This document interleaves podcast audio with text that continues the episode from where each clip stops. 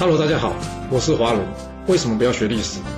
因为学历史会让你了解到顶层阶级的思考方式，成为他们的竞争者，所以他不希望你去学。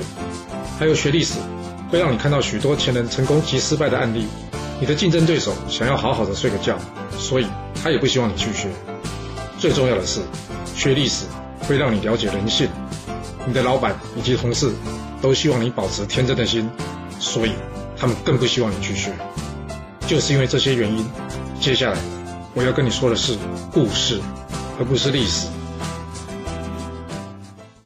今天的主题是：为什么道理说得通，但对方却听不下去？让我们来说说两个故事吧。我们之前有说到呢，周平王提议要东迁的时候，大臣魏武公提出反对。那我们现在来听听他是怎么说的吧。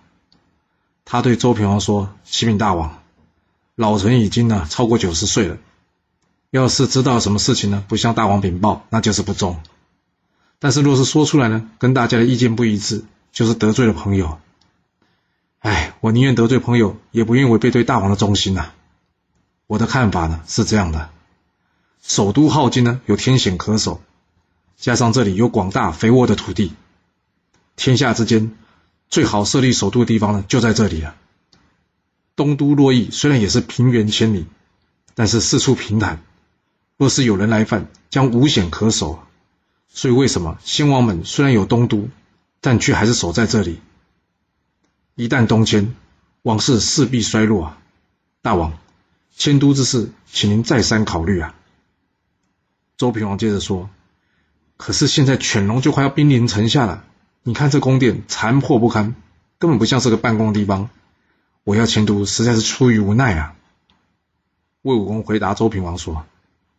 这犬戎之乱呢，当初是因为申侯借兵不到所导致的，就好像引狼入室啊。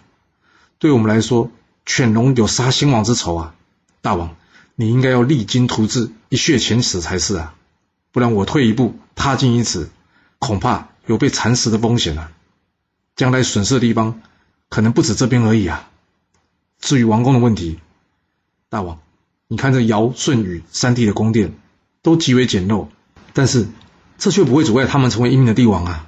所以，是不是有华丽的宫殿，其实没有那么急迫重要了。你听这些话的内容，你觉得有没有问题？好像都没有问题，对不对？其实是有的。问题就出在魏武公是怎么表达这件事。你要知道，周平王为什么想东迁，就是因为他害怕犬戎啊！啊，你不解决他害怕的事情，你去跟他说其他的事，他怎么可能听得进去啊？听不进去，你再说什么都没用了。要是你看过《鬼谷子》这本书，你就会知道，想要说服胆小人去冒险，那是非常困难的。要是魏武公呢，改成告诉周平王，东迁呢会面临更立即或是更大的危险，而不是将来的危险，让他两害相权取其轻，或是呢，他有解决犬戎危机的办法，周平王会不会比较愿意听得下去他的建议啊？至于这宫殿是不是华丽呢？搞不好周平王并不是很在意的。不过在这里呢，我觉得还有一个原因，就算是魏武公按照上面的说法呢，他也很难劝服周平王。这怎么说呢？那之前我们有提到过，周平王上任之后呢，他第一个奖赏是谁？就是他舅舅申侯。虽然当初呢这个赏罚不公，但是却也显示出他舅舅对他的重要性了。但是你看，刚刚魏武公一开口就指责这个申侯引犬戎入关这件事做错了。那你觉得周平王还听得下去吗？没有错了，申侯是做错了，但是要是没有这个错误，周平王能当上大王吗？要是魏武公的目的是希望劝这周平王不要东迁，那就专注在这件事上，不要节外生枝。反观这周平王底下的臣子，一句犬戎之乱是否是先王自己招惹，功过先不讨论，直接将这错呢推给了周幽王，但是话又没说死。反而是把话说的四平八稳。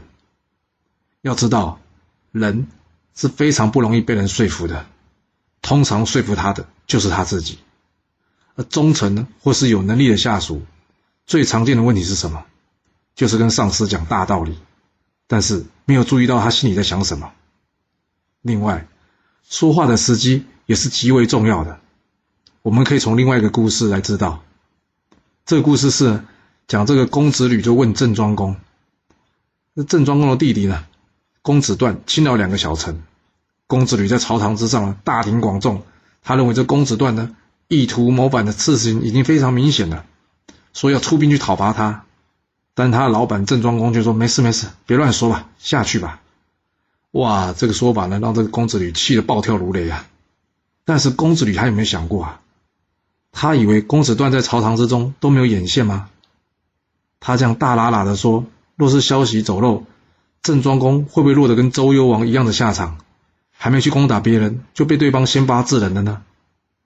还好这郑庄公沉得住气，随便说两句呢，打发这公子吕走了。也还好，另外一位大臣既足够聪明，他告诉公子吕：“哎呦，这种事你不能在大庭广众下问呐。”私底下去问，或许有答案。果然，公子吕改成私下去问郑庄公，郑庄公呢的答案也果真截然不同了。最后，这两人讨论出了要如何解决公子段的问题。所以你说说话时机重不重要？一定要记住，话是说给人听，不是说给自己听的。好了，我们今天先说到这。如果你就是不听我的劝，想知道完整版的故事内容，你可以从说明栏找到我爱故事频道的连结。不过记住哦，你是来听故事的，而不是来学历史的。要是您喜欢这个频道，麻烦您动动您的手指，追踪、留言，或是给我五星评价的支持以及分享。谢谢您来收听，我们下次再见。